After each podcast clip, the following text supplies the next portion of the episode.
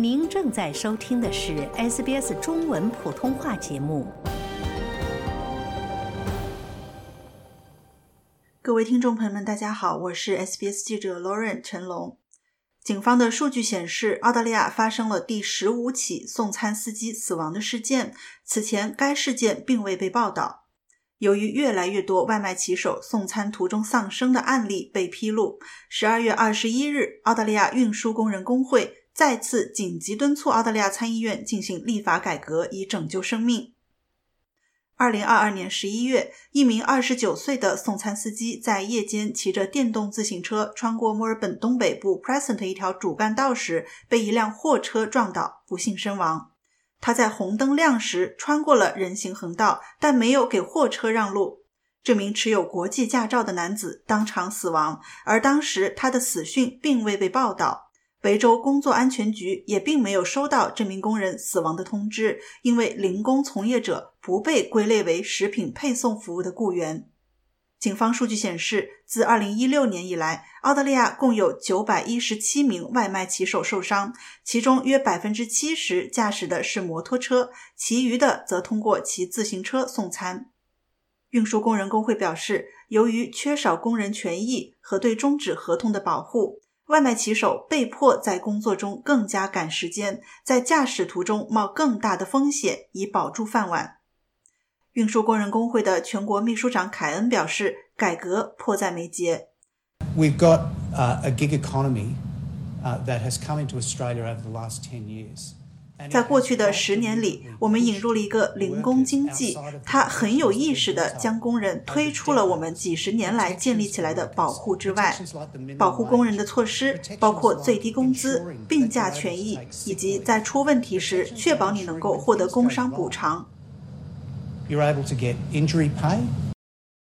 此前，英国最高法院于2021年2月19日做出了一项具有里程碑意义的裁定。确认优步司机属于工人而非自雇人士，这意味着英国数万网约车司机将有可能享有正式员工的最低工资、带薪休假等权利待遇。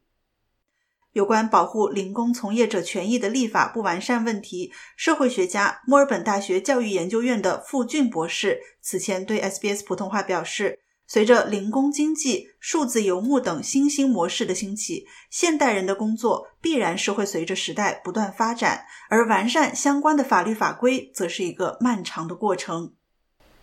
真的是未来就是不不知道是会是怎么样，所以我觉得就是说，呃，我们需要这种呃多样化的这种呃可以工作的方式，但是我觉得最基本的保障，觉得以及就是从社会层面上来看，就是每一个人的这个总得有一个。托底的东西，我觉得这个东西，呃，在那种 gig economy 的里面是绝对没有体现出来的，就是这一点是完全没有体现出来的。就包括那个 Uber，就是送餐员，就是外这种这个外卖送外卖的这个群体，它其实也也是一个挺大的群体，在不同的国家其实都是一个挺大的群体。它就是一个 gig economy 的一个最集中的体现，就是他们的所有的生活就是送一单有有有钱，送一单有钱，就是这样，他们没有任何的保障。甚至有时候他们送外卖的自行车都要自己买，然后他们路上发生了剐蹭啊，发生了事故啊，完全呃人家呃雇主是不负任何责任的。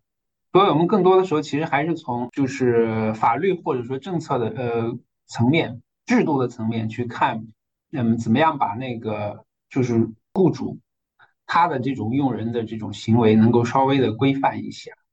这是好多人在探讨的一个问题。嗯，那可能。还是很长的一个一个阶段要走了，很长的一条路要走。是的，是的，好像英国呃有一段时间在讨论要给呃，就是说要